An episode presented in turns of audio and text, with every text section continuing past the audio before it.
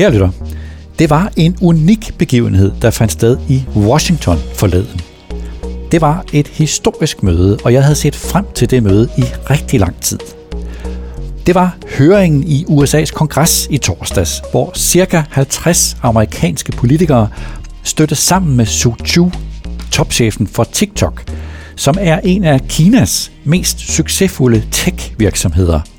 Vel at mærke en virksomhed, som har fået et enestående gennembrud i USA, og som har sat dens amerikanske konkurrenter som Facebook under et hårdt pres. Det var en høring, der handlede om kommersiel forretning, om geopolitik og om teknologi. Tre afgørende vigtige discipliner, som i moderne tid er viklet ind i hinanden. Som sagt, så havde jeg set frem til høring i lang tid, og det havde jeg, fordi sådan et møde ellers aldrig finder sted. Og fordi det var et møde, der var et symbolsk udtryk for den vigtigste konflikt i vores moderne tid, konflikten mellem USA og Kina. Konflikten mellem to supermagter og en konflikt, som i høj grad udkæmpes på ny teknologi og på forståelse af ny teknologi. Og hvordan gik høringen så? Hvad var det for et indtryk, som jeg sad tilbage med, da de fem timer var gået? Ja, hvis jeg skal være helt ærlig, så var jeg deprimeret. Jeg var faktisk ret rystet. Jeg var rystet over, så aggressive de amerikanske politikere var over for Su Chu. De var uforsonlige, de afbrød ham, de lyttede ikke, de ønskede ikke dialog, de ønskede ikke at forstå, hvilken teknologi, som TikTok bygger på, og i stedet for, så gav de deres mistænksomhed frit løb. Og ja, jeg er helt med på, at Kinas troværdighed er tæt på nul, og jeg er helt med på, at Kina er et autoritært styre, eller for at sige det rent ud, at Kina er et diktatur. Men høringen viste, at USA simpelthen har en dyb mistillid til Kina, og at mistilliden er så dyb, at man ikke ønsker at få en dialog. Og for de virksomheder, der har engagementer i både USA og i Kina, der er det her alvorligt. Risikoen for, at private virksomheder, også danske virksomheder, kan komme i klemme der, den risiko er langt større nu end for bare et års tid siden. Udfaldsrummet har på kort tid vokset sig dramatisk stort og gjort det afgørende tydeligt, at for erhvervslivet er Kina ikke kun en stor kommersiel mulighed, men også en stor geopolitisk risiko. Så hvis du, kære lytter, ikke nåede at følge høringen, og hvis du ikke har 5 timer til overs, så kan du få mit bud på et referat her. Og til sidst, så forsøger jeg at kloge mig på det danske fodboldlandshold og det helt uforklarlige nederlag i søndags i Kazakhstan. Er der noget sådan ledelsesmæssigt at lære af den affære? Velkommen til Topchefernes Strategi. Høringen i Washington handlede som sagt om TikTok. Den kinesiske app, der blev lanceret for bot 6 år siden i 2017, og som har haft en ekstrem vækst, takket være en helt utrolig algoritme, som forstår, hvad den enkelte bruger gerne vil se af videoer. TikTok har over en milliard månedlige brugere globalt og over 150 månedlige brugere i USA. Og det er især det, der gør, at de amerikanske politikere er bekymrede. For når TikTok samler så mange data om sine amerikanske brugere, hvad sker der så med de data? Udgør TikTok en sikkerhedsrisiko? Det er en bekymring, der udspringer af, at TikTok ejes af den kinesiske virksomhed ByteDance, og uanset hvad TikTok siger og lover, når det gælder beskyttelse af data, kan man så stole på en virksomhed, der har en kinesisk ejer. Og når man nu ved, at i Kina, der er alle data og alt, hvad der foregår online, synligt for de kinesiske myndigheder. Derfor så overvejer de i USA om enten at TikTok skal forbydes i USA, eller at forlange, at ByteDance skal sælge TikTok. Og det var i det lys, at høringen i Washington i torsdags fandt sted. Og meget apropos, så var der en pressekonference i Beijing lige før høringen i USA's kongres, og der udtalte en talsperson for det kinesiske erhvervsministerium i Beijing, at Kinas regering skal godkende et eventuelt salg af TikTok. Det må have været et virkelig ubelejligt signal. Det var jo nærmest en kinesisk tilståelsessag. Og den gjorde TikTok-chefen Su Chus opgave i høringen om at vise sin uafhængighed af styret i Beijing endnu sværere, hvis ikke ligefrem helt umulig. Formålet med høringen var at blive klogere på, citat, hvordan kan kongressen beskytte amerikanske data og beskytte børn mod online overgreb, citat slut. Men det skulle vise sig, at det var kun få politikere, der brugte den her sjældne mulighed til at tale med en tech-topchef om det ellers vigtige tema. I stedet for så udtrykte de amerikanske politikere deres dybe mistænkelighed over for Kina, og som det amerikanske tech-medie Wired skrev efter høringen, citat, den afslørede efter fem timer, hvor desperat meget USA behøver en beskyttelse af private data, og hvordan lovgiverne tror, at det er et bedre alternativ at slå på Kina. Citat slut. Hver enkelt politiker havde fem minutter til rådighed, og mange af dem brugte de fem minutter til at holde deres egne indlæg, og de var tydeligt ikke indstillet på at få en dialog med 20. Han, altså TikTok-topchefen, var godt forberedt. Ifølge amerikanske medier, så havde han nærmest været en slags træningslejr forud for høringen, og det kan måske forklare, at han nogle gange virkede låst i sine svar. Chu svarede indimellem forsigtigt og nogle gange undvigende, og det var uklart, om det var, fordi han gav indstuderet svar, eller om han bevidst forsøgte at svare upræcist. Eller om han simpelthen var nervøs for at sige noget faktuelt forkert i en situation, hvor politikerne flere gange mindede ham om, at hvis han talte usandt, så ville det være en lovovertrædelse, hvorefter de krævede et ja eller et nej på et kompliceret spørgsmål. Han svarede mange gange, at han ville undersøge sagen og vende tilbage. Men mit samlede indtryk af de fem timers høring, det er klart. Uanset hvilke løfter 20 gav om databeskyttelse, så afviste de amerikanske politikere ham. TikTok har ByteDance som ejer, og ByteDance er kinesisk, og ByteDance har tætte forbindelser til det kommunistiske styre. Slut.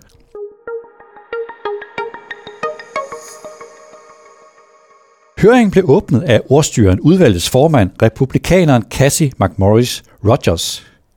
Hun startede simpelthen med at konkludere i sin velkomst, at TikTok bør forbydes. Su Chu sagde i sin indledende erklæring, at han anerkender bekymringen for datasikkerhed, og han lovede blandt andet, at han vil beskytte amerikanske data mod uautoriseret udenlandsk adgang. Hans vigtigste initiativ, det er det, som han kalder for Project Texas. Det går ud på at placere amerikanske brugeres data på lokale servere i Texas, der styres af amerikanske Oracle. Men det indrømmede Suchu indtil at det projekt er afsluttet, så vil ansatte hos ByteDance have adgang til amerikanske data. Som sagt, helt fra starten, så lagde udvalgsformanden Cathy McMorris Rogers en hård linje. Lad os prøve at høre et eksempel. Det kommer her. Reclaiming my time, can you say with 100% certainty that ByteDance or the CCP cannot use your company or its divisions to heat content to promote pro CCP messages for an act of aggression against Taiwan?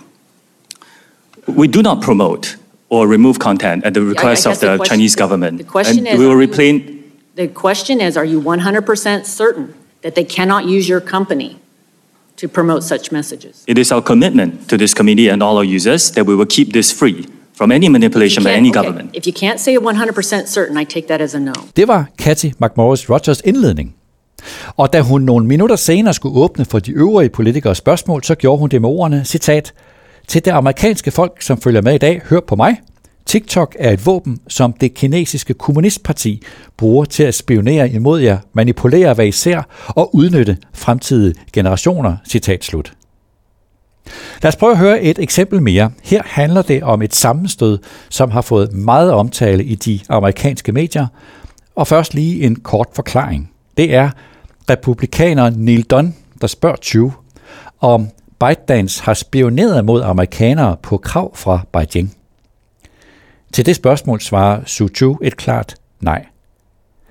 Da Neil Dunn derefter spurgte ind til oplysninger i amerikanske medier om, at medarbejdere fra ByteDance har haft planer om at bruge TikTok til at overvåge udvalgte amerikanske statsborgere og gentog sit spørgsmål om, hvorvidt ByteDance havde udført spionage, så svarede Suchu, at han mente ikke, at spionage var det rigtige udtryk, og at der havde været tale om en intern undersøgelse, som han udtrykte det.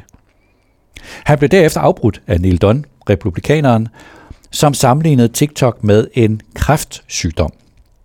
Neil Dunn læste op af forskellige rapporter, som handlede om krænkelser af private data og censur hos den kinesiske virksomhed Xiaomi, hvor Chu har arbejdet tidligere. Og Don fastslog, at eftersom Su Chu havde arbejdet i Xiaomi, mens disse krænkelser fandt sted, så er han ikke troværdig nu. Så her er et klip fra resten af samtalen mellem de to. It does not follow that you expect us to believe that you would not censor on behalf of the Chinese Communist Party, since you've already done so. I want to be unequivocal on this. We do not remove or promote content on behalf While of the Chinese TikTok, in government. your words, strives to deliver on their mission to inspire creativity and bring joy to American users, I assure you that is not the mission or goal of the Chinese Communist Party, which runs the People's Republic of China, that TikTok's parent company, ByteDance, is domiciled in. Mr. Congressman, Xi, you can these check with our straightforward users to see the the world experience that they're getting. Answer. You have not given straightforward answers. We don't find you credible on these things. Uh, and uh, with that, Madam Chair, I'd like to yield the balance. of Congressman, you have given me no Mr. time to answer your questions. California. I reject the characterizations. I yield it Who to are you Mr. Obernolte. to? Dr. Dunn? Mr. Obernolte? Okay. Well, thank you, Madam Chair. Hvorefter at udvalgsformanden Cathy McMorris Rogers afbrød Chu og gav ordet til den næste taler. Og her kommer så et tredje og sidste eksempel, hvor demokraten Tony Cardenas spurgte ind til TikToks ejerskab. Et spørgsmål, som egentlig burde være ret nemt at svare på, men hvor Su Chu svarede undvigende. Are you a Chinese company? TikTok is a company that's now headquartered in Singapore and Los Angeles. Okay. Our, we are not available in mainland China. Our users are in other countries around the world. Okay. Is there a corporation that has any authority above TikTok? TikTok is a subsidiary of ByteDance, which is founded by a Chinese founder. Uh-huh. Yes. And ByteDance is a Chinese company? Well, Chi- ByteDance owns many businesses that operate in China. Is it or is it not a Chinese company? Uh, Congressman, the way we look at it, it was founded No, by no, no, Chinese no. I'm not asking you how you look at it. Fact. Is it a Chinese company or not? For example, Dell is a company, it's an American company. They have ac- activities all over the world. Is it a Chinese company? I frequently have these discussions with others on what is a company that is now global. That, that's okay. I prefer you answer the question and stop dancing verbally on it. Madam Chair, my time has expired. Thank you very much. Da høringen var slut, så fortsatte den uforsonlige tone, og nu var den oppe på et højere politisk niveau mellem USA og Kina. Den republikanske senator Marco Rubio talte om det, som han kaldte for Su Chus løgne og udladelser, og formanden for kongressens udenrigsudvalg, Michael McCall, sagde, at Su Chus udsagn viser, at TikTok bør sælges eller forbydes. TikTok på den anden side udsendte en erklæring, der sagde, at høringen havde været et spil for galleriet. Og dagen efter, i fredags, sagde det kinesiske udenrigsministerium i en meddelelse, at citat, den kinesiske regering har aldrig og vil aldrig bede en virksomhed eller en person om at indsamle eller skaffe data, oplysninger eller efterretninger, der er placeret i andre lande gennem overtrædelse af lokale love. Citat slut. Det er uklart, hvad der sker med TikTok i USA nu. Og hvad med de andre populære kinesiske apps, for eksempel Shine, der sælger tøj, hvad med WeChat, som også bruges i USA, og hvad med de andre platforme, også amerikanske platforme, som har de samme udfordringer i forhold til datasikkerhed? Den triste sandhed er, at høringens fem timer ikke bragte nogen klarhed om høringens formål, som var at blive klogere på databeskyttelse og overgreb mod børn, faktisk overhovedet ingen klarhed. Der var ingen savlig diskussion af det emne, og slet ingen konklusion, som kunne gøre os alle sammen klogere. I stedet så viste høringen, at amerikanske politikere som ellers er dybt splittet indbyrdes, at hvis der er noget, der kan bringe dem sammen, så er det deres mistillid til Kina. Og trods Chus løfter om databeskyttelse og trods hans initiativ med Project Texas, hvor amerikanske data skal håndteres af amerikanske Oracle, så nægtede kongressens politikere simpelthen at tro på ham. Så der står USA og Kina, verdens to supermagter og verdens to største kommercielle markeder. De har ikke tillid til hinanden. De ser afgørende forskelligt på grundlæggende vilkår, og for et dansk erhvervsliv så er høringen et wake-up call. Det er en ny geopolitisk virkelighed. Ja, Kina er verdens næststørste økonomi. Ja, Kina er et kolossalt stort marked, både når det handler om arbejdskraft og når det handler om forbrugere. Men den tid er forbi, hvor man som privat virksomhed kunne nøjes med at se på sin forretning i Kina med kun kommersielle briller. Nu handler det også om geopolitik, og risikoen ved at være til stede i Kina, den er hastigt voksende.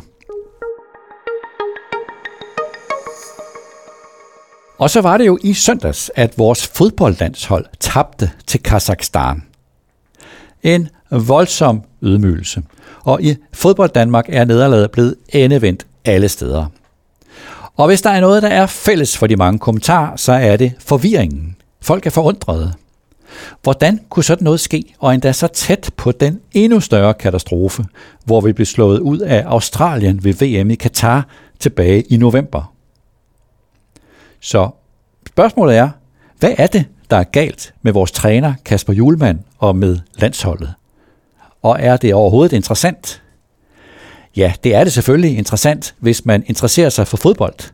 Men er det interessant her, i den her podcast, som handler om noget helt andet end fodbold? Og mit bud er, ja, det er interessant, også for andre end fodboldinteresserede. Kasper Julemand er i gang med et ambitiøst projekt. Han vil udføre det kunststykke, som mange ledere i erhvervslivet forsøger at udføre, men som kun ganske få lykkes med. Han vil skabe en forbindelse mellem et overordnet formål og en forretning.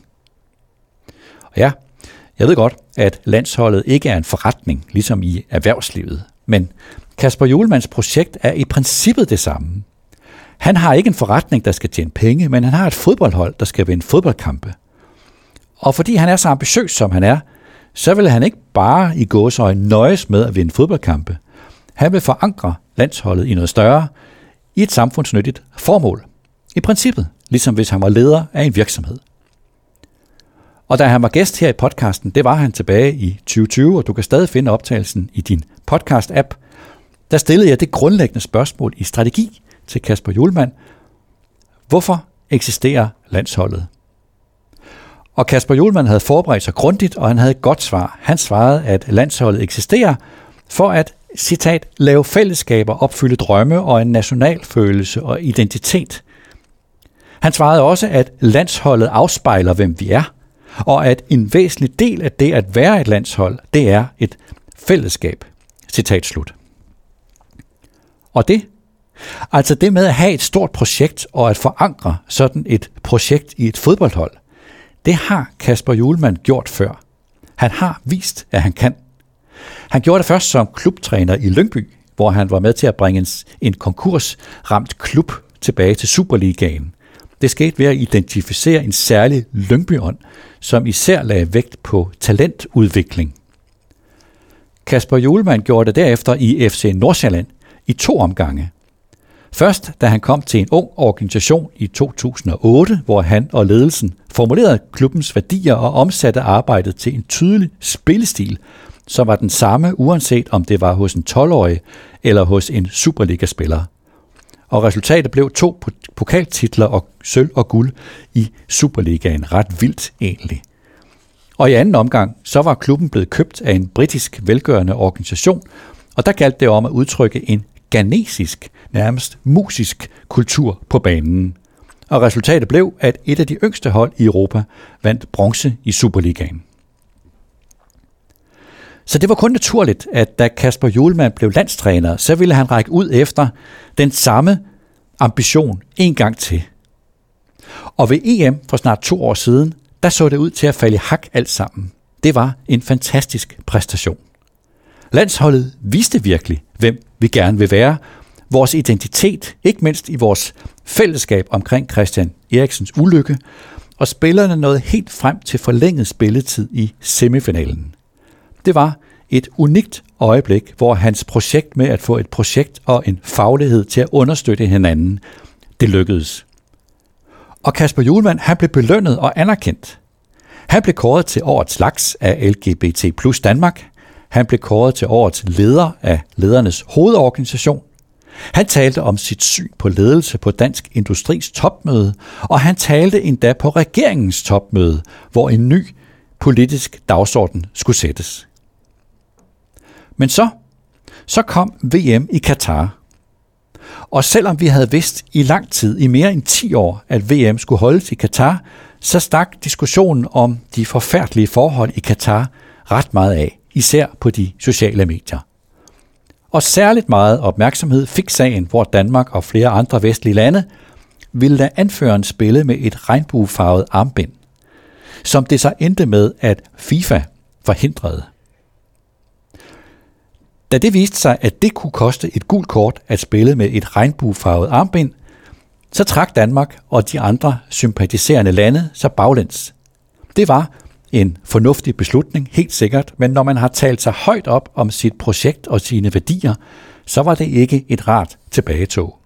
Og efter den første skuffende kamp mod Tunesien, så sagde Kasper Julemand til pressen, citat, Jeg bruger for lang tid på at gå rundt hver dag for at finde ud af, hvordan jeg skal håndtere det her. For der er så meget, jeg har lyst til at sige, så meget, jeg har lyst til at gøre. Citat slut.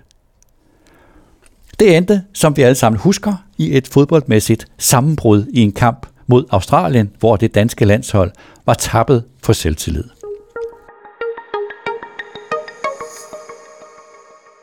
Det var en stor skuffelse, selvfølgelig, men den slags sker jo. Sådan er det i ledelse. Man vinder, og man taber. Og når man taber, så gælder det om at forstå sit nederlag, og om at lære af det, og om at komme videre. Det har Kasper Julemand helt sikkert også gjort. Men han har ikke ville tale om det i offentligheden. Han har været bemærkelsesværdigt tilbageholdende om sin egen analyse af, hvad det var, der gik galt. Et eksempel på det, det fik vi, da Kasper Julemand for tre uger siden var gæst i fodboldpodcasten Mediano. Her var der god tid og gode muligheder for at gå i dybden med, hvad der gik galt i Katar. Men selvom verden, Rasmus Monnerup, flere gange spurgt ind til det, så ville Kasper Julemand ikke for alvor ind i en åben og selvkritisk evaluering af, hvad der gik galt. Han åbnede lidt, men kun en lille smule. For eksempel så talte Kasper Julemand om, at vi i sport står over for dilemmaer, ligesom vi gør andre steder i livet. Lad os prøve at høre et klip derfra. Der var nogle andre ting, vi, øh, vi, øh, vi er blevet klogere på. Og en af de ting er jo selvfølgelig, og jeg tror, det gælder os alle sammen, hvordan lægger jeg Jeg tror også, I havde besvær på Mediano. På, hvor, hvor, skal, hvordan skal vi lægge os? Ja. Øhm, I øjeblikket går diskussionen om TikTok øh, på alle mediehuse og i alle virksomheder. Hvor fanden lægger vi os med et autokrati, der har en app, der overvåger os, og øh, vores børn er på den osv. Øh, altså, vores verden er fyldt med, med komplicerede dilemmaer, hvor vi skal finde ud af, hvordan lægger vi os, og hvordan øh, argumenterer vi for det. Og det tror jeg bliver en ongoing ting for os alle sammen, og det gør det også for os i sportens verden, samtidig med, at vi skal sørge for at få skærmet for dem, der skal præstere. Fordi de skal ikke, når de er midt i det hele, forholde sig til alt muligt. Så mister du fokus og, og nærvær. Kasper Julemand talte også i podcasten i Mediano om, at han gik for langt i medierne i Katar, fordi han ville beskytte spillerne. Der er også en, en træner og en stab osv., der også skal koncentrere sig der er vel også en, øh, en, en læring der i forhold til, at, øh, at du gerne vil give meget af dig selv, og du gerne vil, øh, vil være åben og så videre, men øh, der er jo også noget med, at skal øh, netop kunne koncentrere sig om de ting, som, øh, som det handler om, fordi en ting er, at spillerne skal præstere, men, men du er under det samme pres, kan man sige, bare på en anden måde. Ja, altså jeg, der er ingen tvivl om, at jeg, jeg føler også, at jeg, jeg selv gik for langt.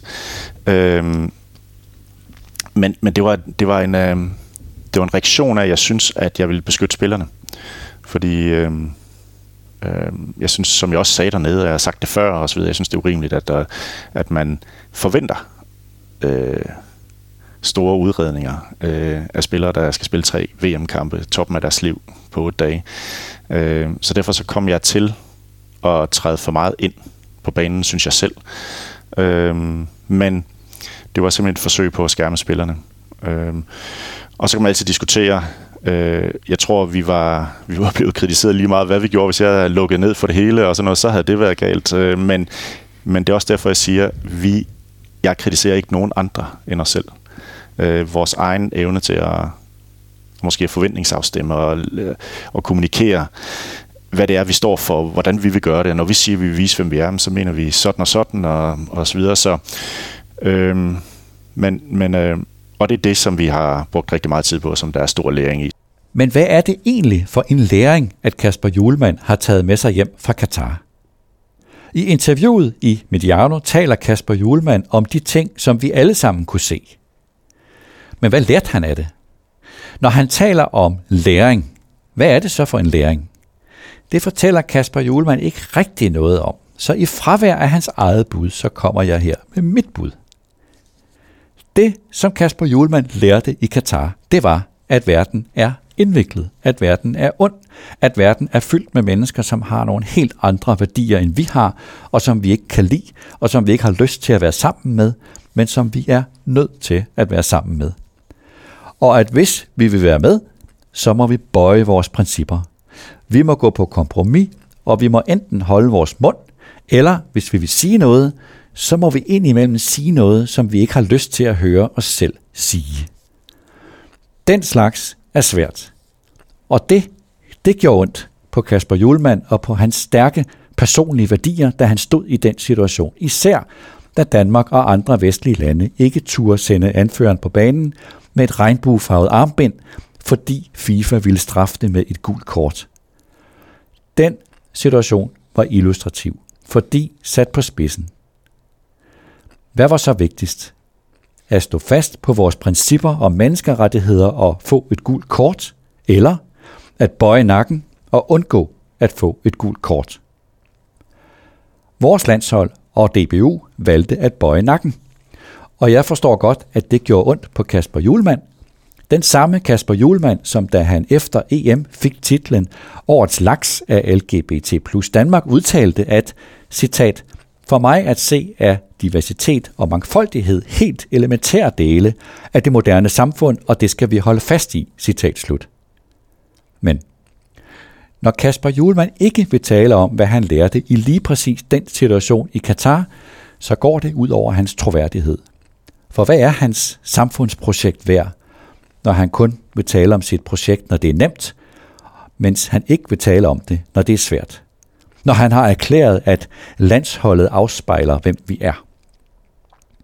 Så kort sagt, det som Kasper Julemand lærte på den hårde måde i Katar, det var, at når man som leder rækker ud efter noget, der er større end en selv, når man erklærer, at man med afsæt i sin forretning vil gøre verden til et bedre sted at være, så er det fantastisk.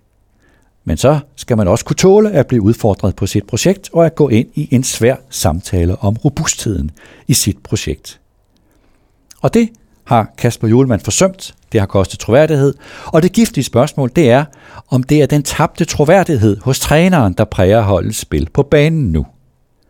Den tidligere landsholdsspiller Flemming Poulsen sagde til Jyllandsposten efter kampen i Kazakhstan, citat, Jeg er ikke i tvivl om, at der hænger noget ved fra VM, som er med til at præge deres præstation.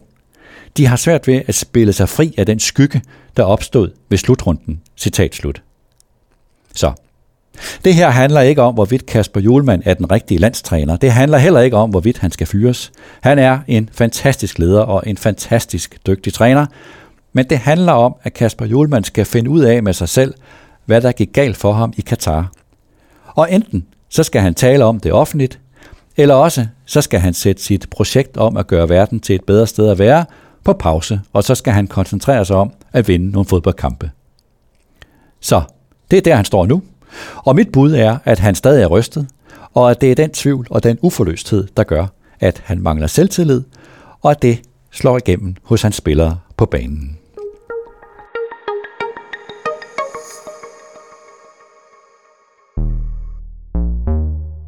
Så, for at svare på det, som jeg spurgte mig selv om i starten, er det her interessant for andre end fodboldinteresserede, så vil jeg sige, ja, det er det. Kasper Julemand som case er interessant, og det er den, fordi rigtig mange erhvervsledere står i den samme situation, og endnu flere erhvervsledere kommer til at se ind i den diskussion og dens mange giftige dilemmaer. Vi ser ind i en giftig geopolitisk fremtid, og hvor prisen for at være til stede i et attraktivt kommercielt marked, den pris er, at man skal bøje sine principper. Man skal kunne, lad os sige det pænt, være fleksibel med sine etiske værdier. I fremtiden så bliver det svært at lade være med at tage stilling. At holde sig til, at man bare laver forretning, og at man ikke rigtig mener noget. Sådan som erhvervslivet ofte har kunnet nøjes med. Tag bare Kina som et eksempel. Tunge danske topchefer, danske topchefer fra Mærsk, Carlsberg, Danfoss, Lego og Novo Nordisk, de har store forretninger i Kina, og de vælger konsekvent at være tavse. De siger ingenting, fordi de har vurderet, at det er umuligt at tale om etiske dilemmaer på en måde sådan, at de kan holde til det, både på deres hjemmebane her i landet og ude i verden, for eksempel i Kina. De har også, som virksomheder, ligesom Kasper Julemand, et samfundsnyttigt formål, et såkaldt purpose. Men de har set i øjnene, at når det purpose ikke kan holde til en kritisk diskussion på tværs af etik og værdier, så er den eneste udvej, den er at tige stille. Det er den nye geopolitik, og for en leder som Kasper Julemand, der ikke var forberedt på det, og som ikke var disciplineret nok til bare at være tavs, men som gerne vil ytre sig, der er de voldsomme problemer, som han havnede i i Katar, og hans lige så voldsomme problemer med at forstå og også med at evaluere, hvad det var, der gik galt, og også den pris, som han og hans spillere betaler nu, det er en lærerig case for os alle sammen.